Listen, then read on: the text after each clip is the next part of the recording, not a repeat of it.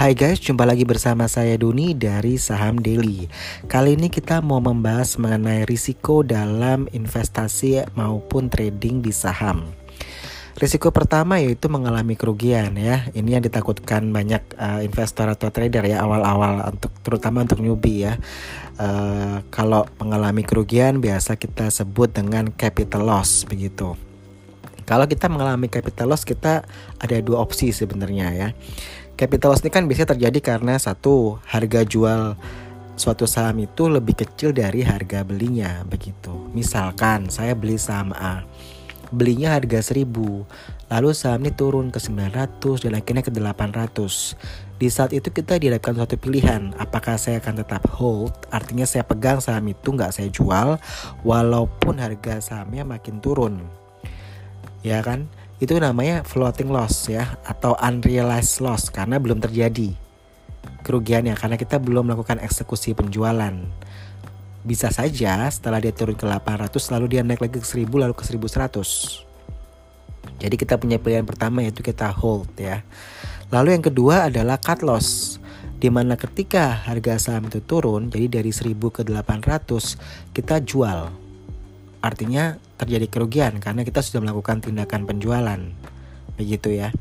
Jadi cut loss ini uh, juga uh, mengacu pada trading plan kita ya. Kan sebelum anda melakukan uh, transaksi kapan harus entry kapan harus sell itu kan dasarnya hasil analisa anda. Setelah anda melakukan analisa anda buat trading plannya ya kan?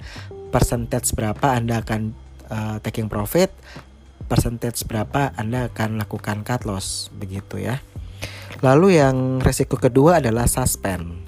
Suspend ini artinya saham tersebut dihentikan uh, penjualannya oleh Bursa Efek Indonesia.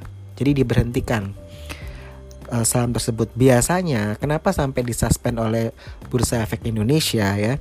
Itu karena harga saham itu naik atau turun secara signifikan. Tiba-tiba harga satu saham A ini misalkan nggak ada angin, nggak ada hujan, nggak ada kejadian yang uh, bisa mempengaruhi kinerja perusahaan, tiba-tiba dia naik uh, sekian ratus gitu ya, atau 25 persen, atau dia tiba-tiba harganya turun hingga 25% begitu.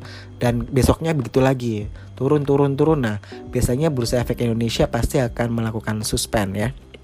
Nah, suspend ini uh, tergantung sama Bursa Efek Indonesia ya.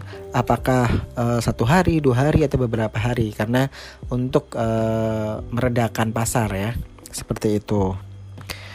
Lalu uh, selain karena harga saham dia yang naik turun tanpa alasan yang jelas bisa juga dikarenakan uh, saham ini akan pilot ya sehingga dia disuspend.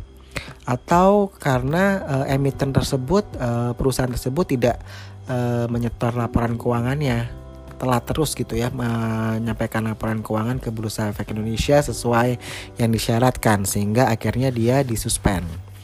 Lalu resiko ketiga adalah delisting ya. Delisting ini artinya uh, saham tersebut dikeluarkan dari Bursa Efek Indonesia. Begitu ya uh, kemungkinannya karena kinerja perusahaan yang buruk ya rugi rugi rugi ya udah di, di listing sama uh, bursa efek Indonesia yang kedua uh, saham itu tidak diperda tidak diperdagangkan dalam arti nggak ada yang mau beli nggak ada yang jual nggak ada yang mau jual begitu jadi kayak mati gitu aja mati suri begitu ya lalu yang ketiga kemungkinan karena adanya keinginan dari perusahaan tersebut untuk uh, go private. Jadi awalnya kan go public itu listing di Bursa Efek Indonesia. Lalu perusahaan tersebut menyatakan kayaknya mending kita uh, go private deh. Jadi kita nggak nggak masuk bursa efek Indonesia lagi. Namun biasanya kalau kayak gini uh, perusahaan tersebut melakukan buyback. Jadi dia beli semua saham yang beredar yang ada di publik dibeli semua oleh perusahaan tersebut. Itu yang di listing ketiga ya. Lalu yang keempat adalah risiko bahwa perusahaan tersebut dinyatakan bangkrut oleh pengadilan dan dibubarkan. Nah, biasanya ya hak atau klaim dari pemegang saham itu dibayarkan terakhir setelah kewajiban lain diselesaikan. Jika masih ada yang sisa, maka akan dibagikan secara proporsional kepada pemegang saham. Tapi kalau nggak ada yang sisa ya sudah, pemegang sahamnya nggak dapat apa-apa. Begitu ya, itu resiko yang keempat. Jadi dengan mengetahui risiko-risiko ini uh, sebagai investor maupun trader apa sih yang harus teman-teman lakukan gitu ya sebenarnya untuk untuk meminimalisir risiko itu ya satu pilihlah perusahaan dengan fundamental yang sehat begitu ya. Dan kalau bisa yang lagi terdiskon harganya. Jadi kalau ada barang diskonan pasti teman-teman suka ya. Tapi yang kualitasnya bagus. Misalkan anda hobi belanja ini misalkan ke Zara ke Pull&Bear gitu ya atau merek-merek branded lainnya misalkan ya. Semoga kalau uh, merek branded itu ya harusnya kualitasnya bagus ya. Nah, sama halnya dengan saham. Jadi kalau ada saham yang harganya lagi turun tapi fundamentalnya bagus atau kita bilang lagi undervalued, lagi uh, harga terdiskon ya Anda beli begitu ya. Jadi sama kok halnya kalau Anda lihat ada sale di department store, uh, ya udah, wah ini uh, baju merek ini saya suka nih, lagi diskon nih, ya udah saya beli. Nah seperti itu. Lalu yang kedua adalah pelajari laporan keuangannya. Itu baik laporan keuangan kuartalan maupun laporan keuangan tahunan ya. Anda pelajari juga prospek ke depannya seperti apa, tantangannya seperti apa, lalu manajemennya itu strateginya seperti apa itu yang kedua. Yang ketiga, hindari saham-saham gorengan ya.